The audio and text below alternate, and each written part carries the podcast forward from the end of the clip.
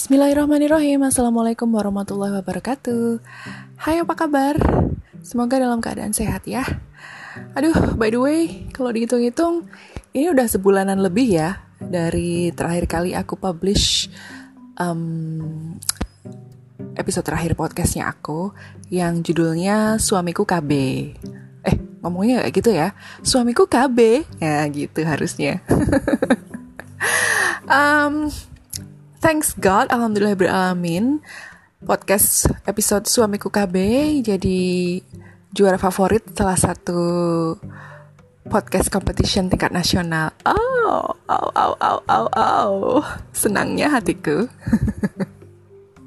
Semoga bisa membuka cakrawala wawasan bu ibu dan pak bapak dan semua millennials tentang metode operasi pria alias vasektomi.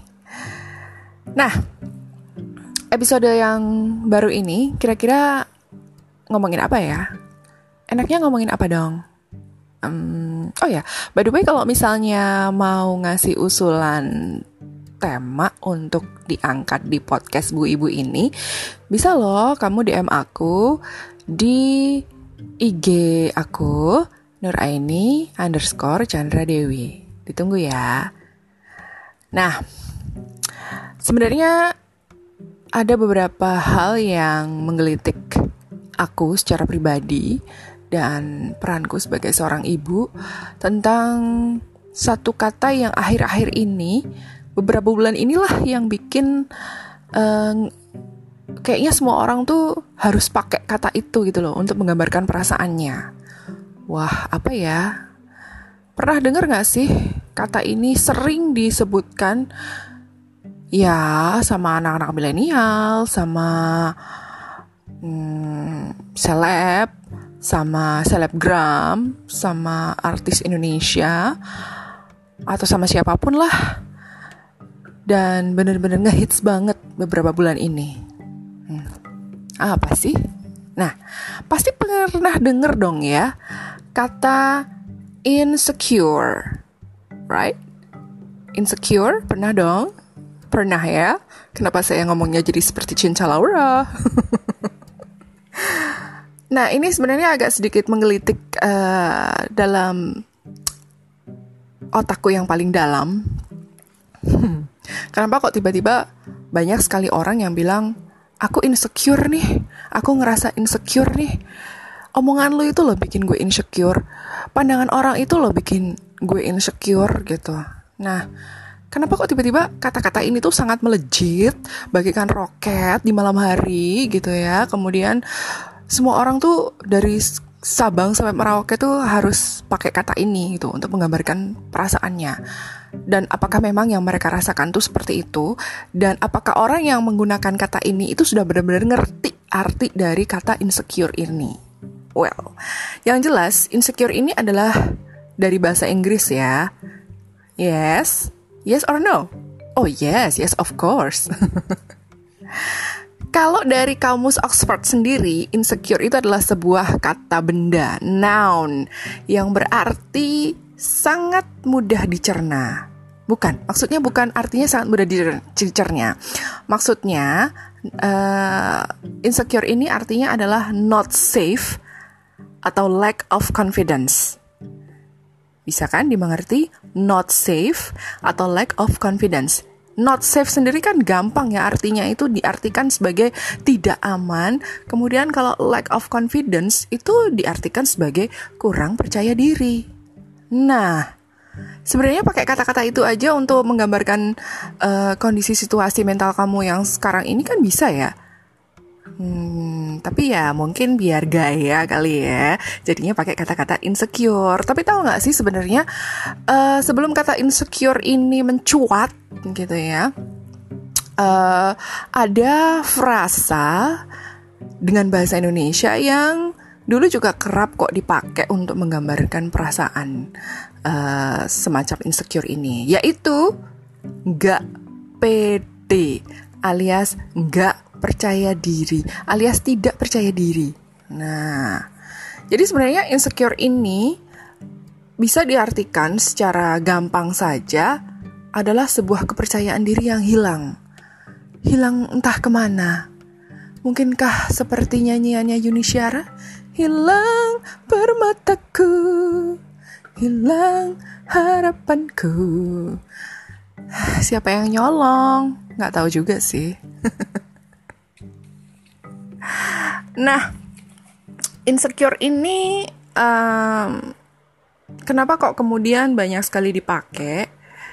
Karena banyak yang mungkin ngerasa bahwa dirinya nggak percaya diri dengan apa yang dia punya secara fisik, secara mental, secara kemampuan, atau bisa juga dia nggak percaya diri dengan uh, apa yang dimiliki secara material, gitu ya.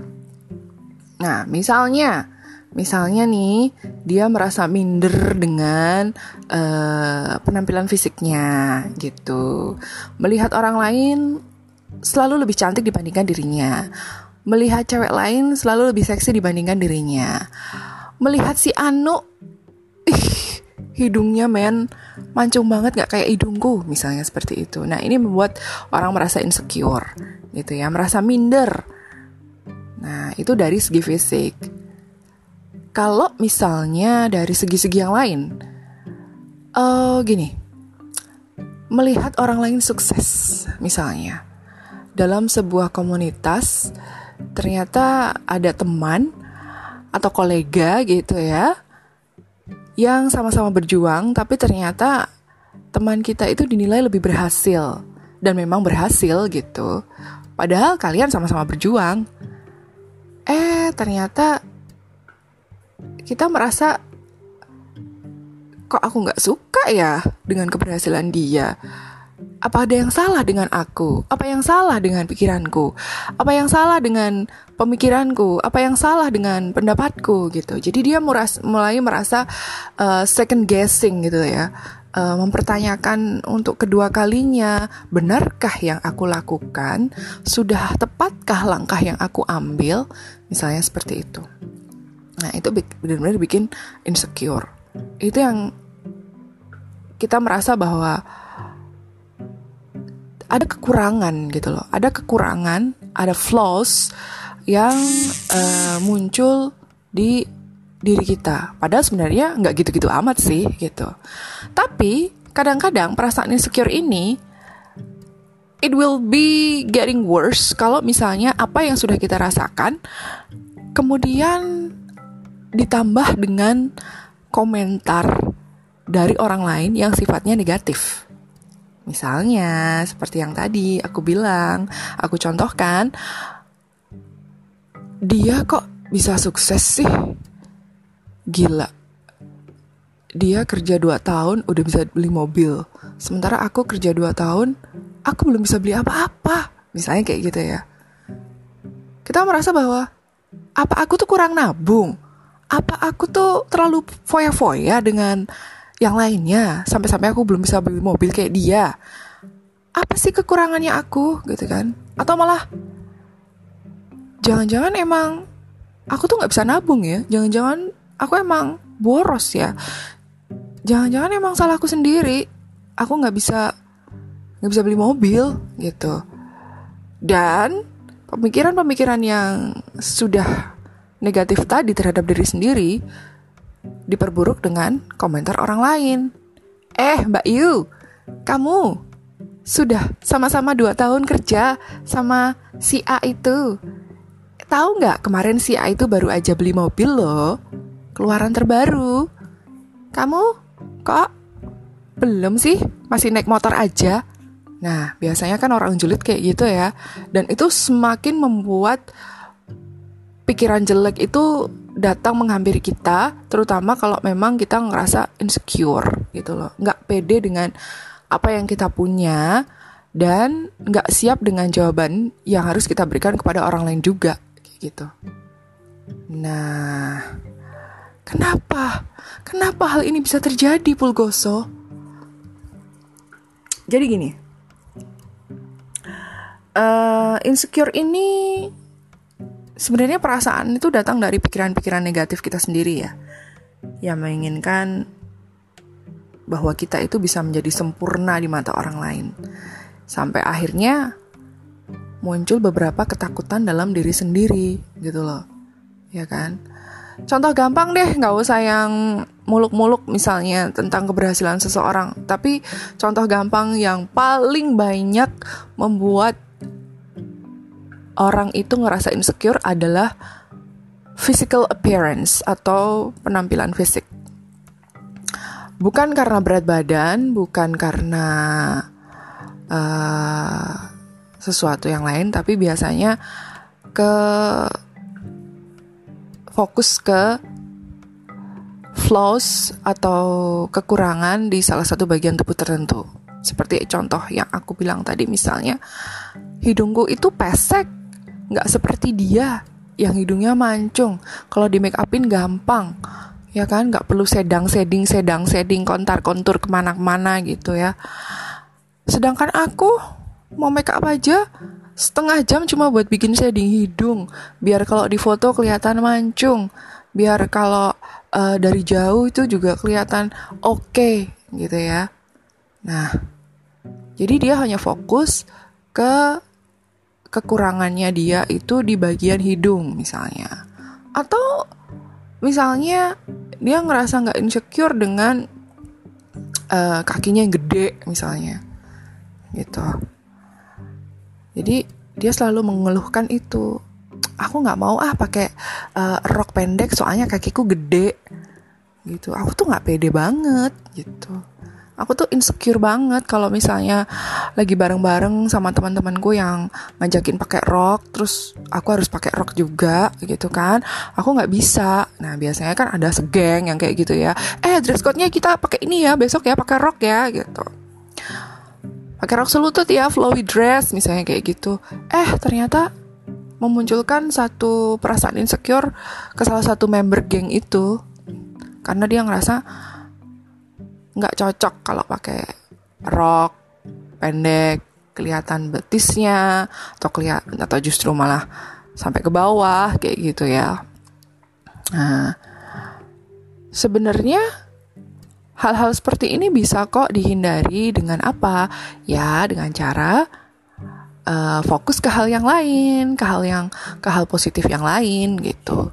Tapi kalau orang udah insecure ya biasanya tetap tertuju pada kekurangan-kekurangannya dia itu sendiri gitu aku ngerasa insecure banget nih ya sebenarnya itu lebih ke lack of confidence ya bukan ngerasa bukan ngerasa not safe gitu seperti yang tadi dibilang di uh, kamus Oxford kayak gitu ya. Gitu.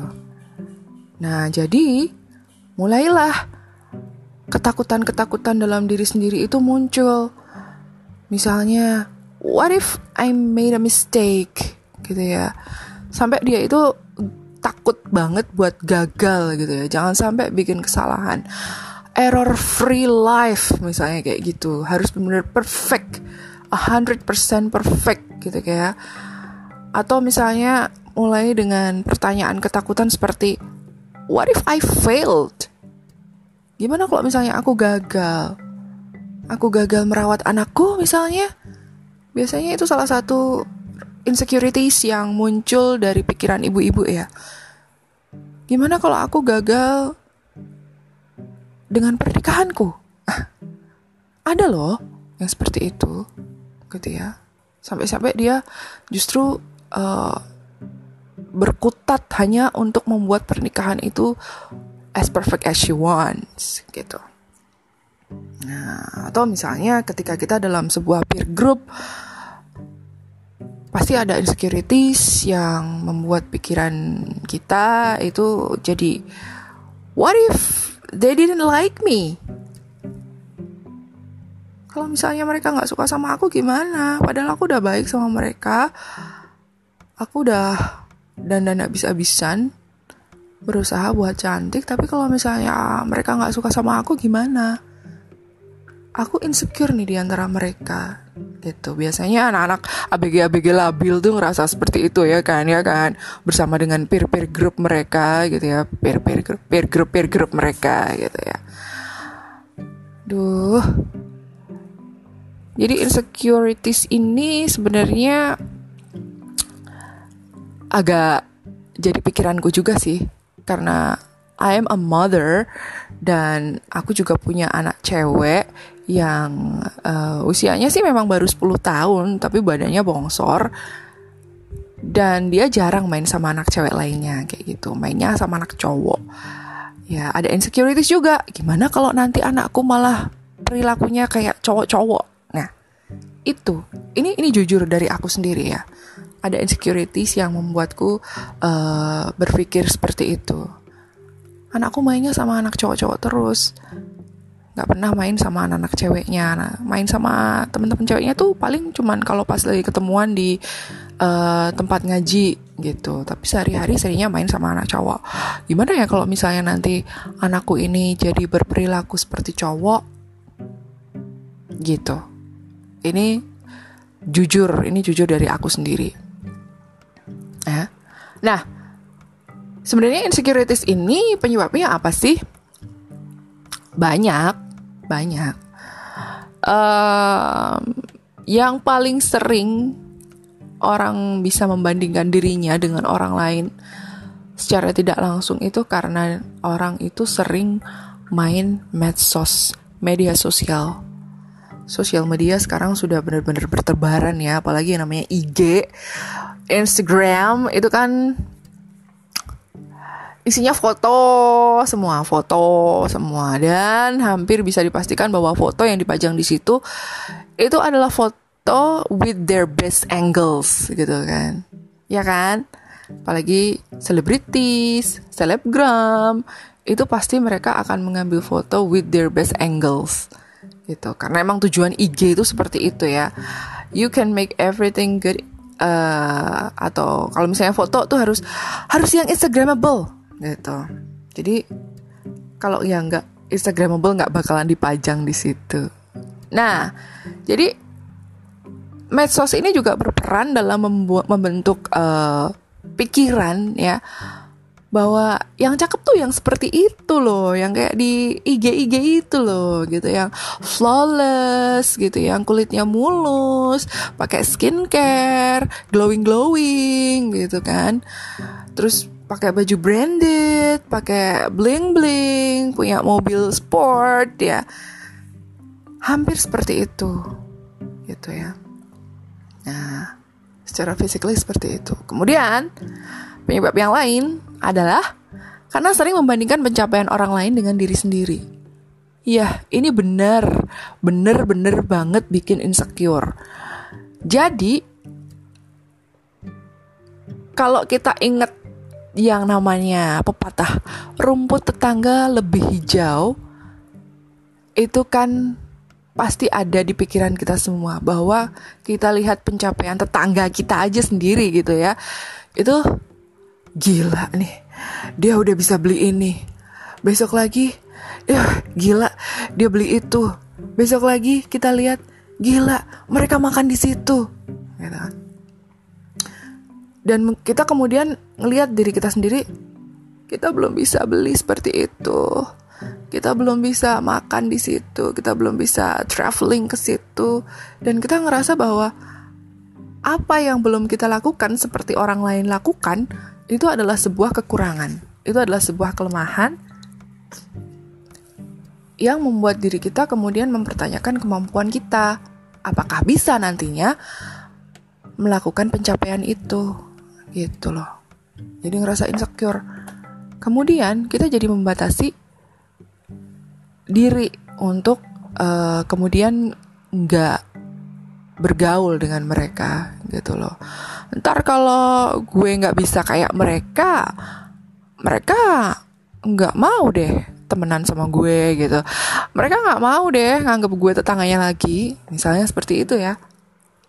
Ya kan Padahal sebenarnya nggak nggak nggak kayak gitu juga. Mungkin pandangan orang uh, orang lain terhadap kita juga kita mampu-mampu juga gitu loh kan, ya kan? Gitu. Ya. Jadi it's a bad things to be insecure tanpa alasan yang jelas gitu. Apakah cuma dua itu penyebabnya? Oh, tentu tidak Rosalinda. Yang mungkin bisa jadi penyebab utama insecure itu juga adalah tidak bersyukur dengan apa yang dimiliki. Hmm, hmm, hmm. Ya kan, ya kan. Kita sebenarnya kalau dilihat baik-baik ke sekeliling kita di rumah kita sendiri, bisa loh kita hitung apa-apa aja yang udah bisa kita miliki. Contoh, aku punya anak empat. Itu adalah sesuatu yang harus disyukuri banget-banget. Kenapa? Karena di luar sana ada banyak pejuang garis dua. Ya kan? Mereka yang penuh perjuangan, penuh pengorbanan, mati-matian supaya bisa hamil. Hmm. Ya. Dan aku layangkan doa untuk teman-teman pejuang garis dua ya. Semoga segera diberi momongan yang banyak kayak aku. Iya, karena um, banyak yang mengeluhkan ah punya anak banyak tuh repot, punya anak banyak itu berisik mereka kalau berantem gimana gimana gimana. Iya. It's true, it's real, it's fact. Ya. Tapi itu juga tetap harus disyukuri loh. Berarti kita subur, suami subur, ya kan? Berarti kita dinilai sama yang menciptakan kita, kita itu bisa merawat titipannya. Kita diberi amanah, gitu ya kan? Jadi ya harus disyukuri dong. Mau anak dua kayak, mau anak satu, mau anak empat, mau anak sepuluh, ya kan?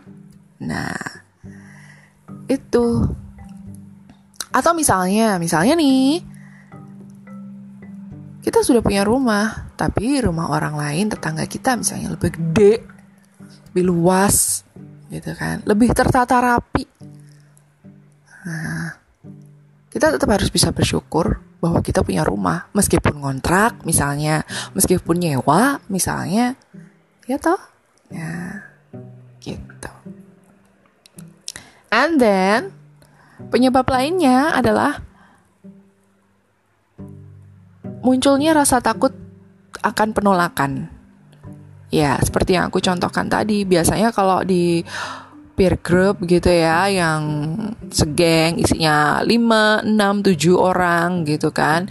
Ya nggak aja girls generation ya atau Blackpink lah misalnya satu satu geng gitu. Isinya empat orang. Ternyata ada satu yang lagi jerawatan breakout parah gitu. Terus gimana ya? Mereka akan mati-matian uh, sorry satu orang deh. Satu orang breakout parah mukanya gitu kan.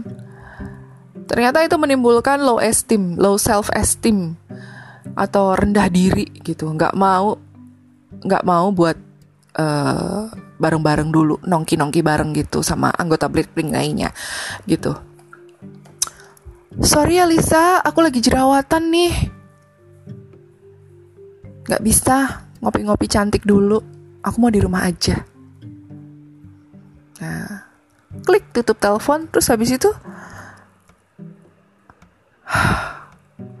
kok aku tuh lagi jerawatan banget. Mau dikasih make up, kan lagi diobatin. Kalau dikasih make up lagi nih nanti jadi kotor lagi dong. Aku nggak mau kalau aku nggak pakai make up nanti nggak kayak anggota yang lain dong. Mereka nanti nggak mau deket-deket sama aku. Mereka pasti pura-pura nggak mau kenal aku. Karena aku nggak kayak mereka yang full make up. Nah, jadi ada ada pikiran jelek seperti itu karena dia ngerasa tidak seperti komunitasnya. Takut akan sebuah penolakan dari uh, komunitasnya. Ya. Uh, kalau takut ditolak sih gimana ya? Bisa. Cowok-cowok ababil cowok-cowok itu ternyata juga ngerasa insecure ya aku nggak bilang anakku, tapi karena anakku masih 8 tahun, tapi yang yang ABG-ABG lah, yang mulai beranjak dewasa, teenagers gitu, itu juga ternyata punya rasa insecurities. Jadi misalnya nih mau deketin cewek gitu ya, atau mau nembak cewek gitu, dia udah yakin banget nih ceweknya udah sering jalan bareng. Eh tapi ternyata pas mau nembak dia juga bingung gitu loh.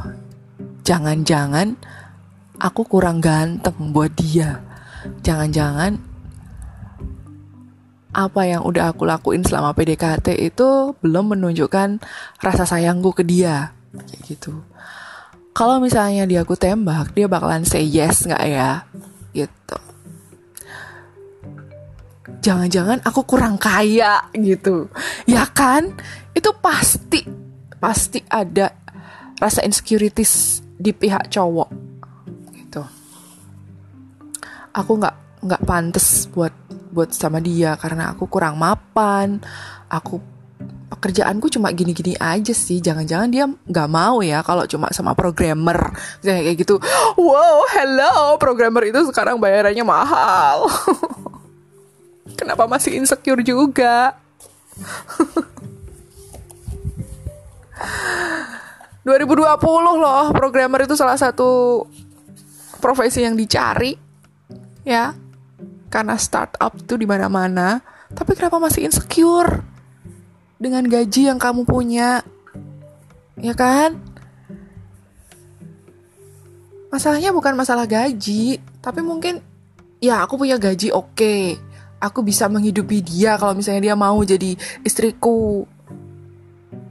Tapi gimana kalau misalnya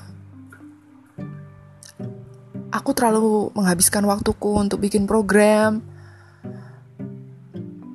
aku cuma takut kalau dia nanti ngeluh-ngeluh, aku gak punya waktu buat dia.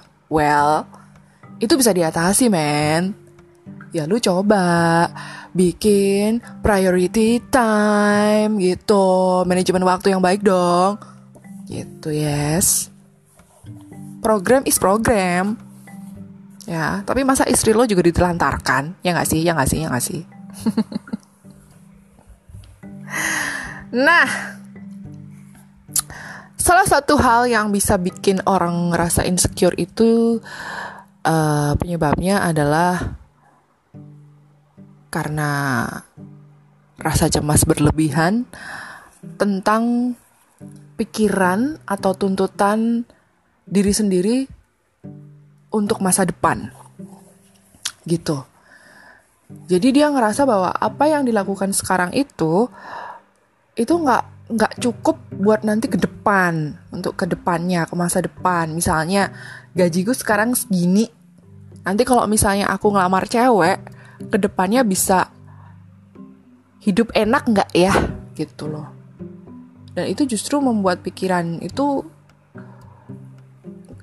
aku insecure banget gitu loh. Dengan gaji segini aku aja hidupnya kayak gini.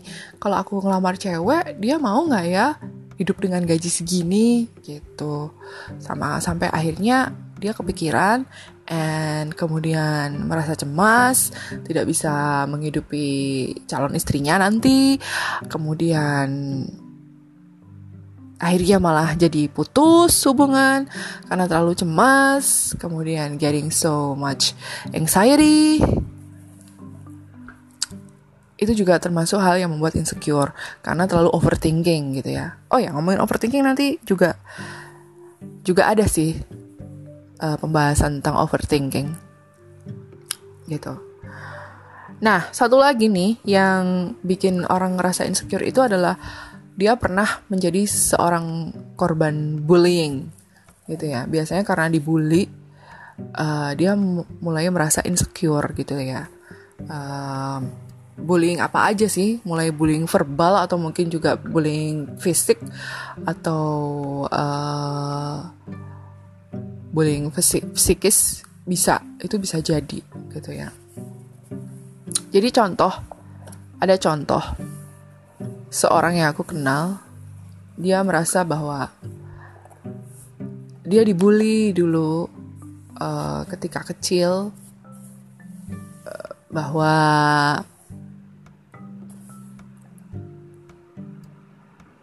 dia ditinggalkan bapaknya.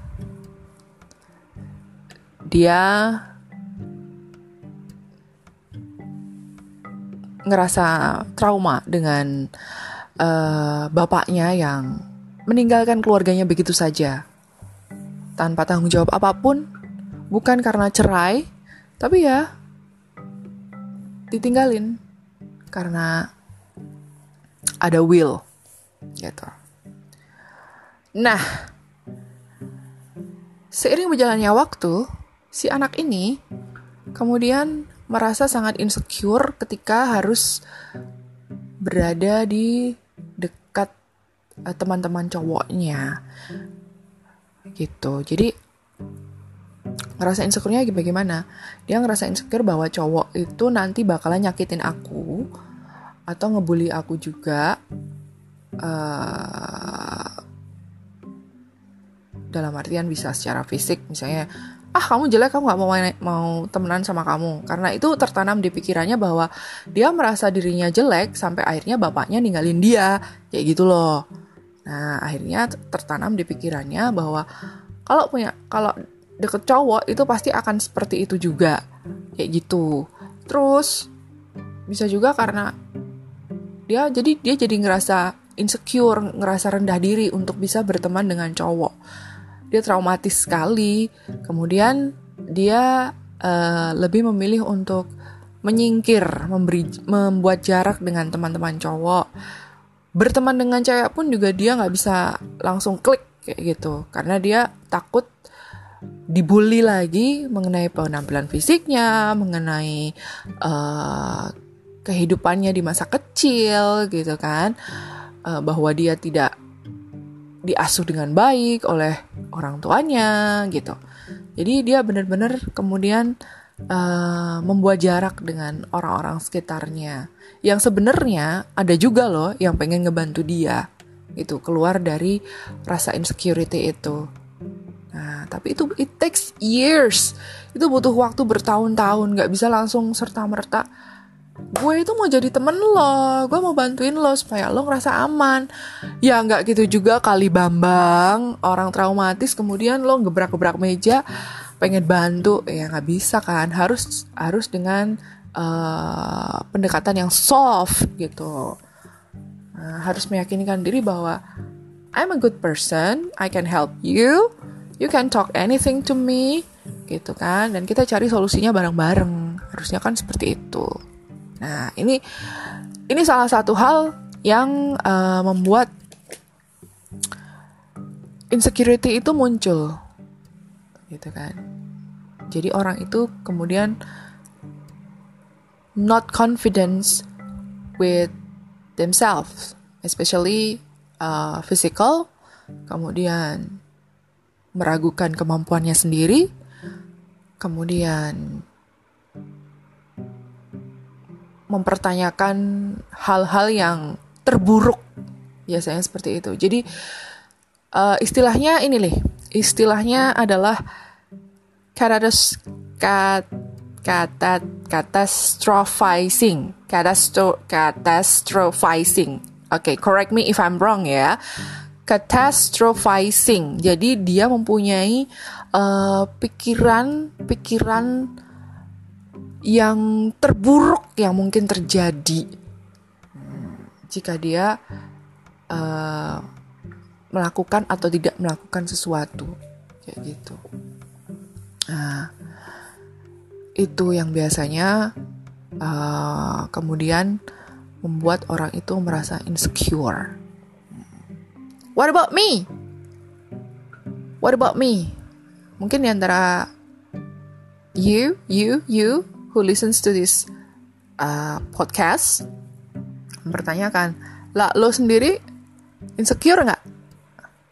Saya insecure pernah, tapi nggak setiap waktu.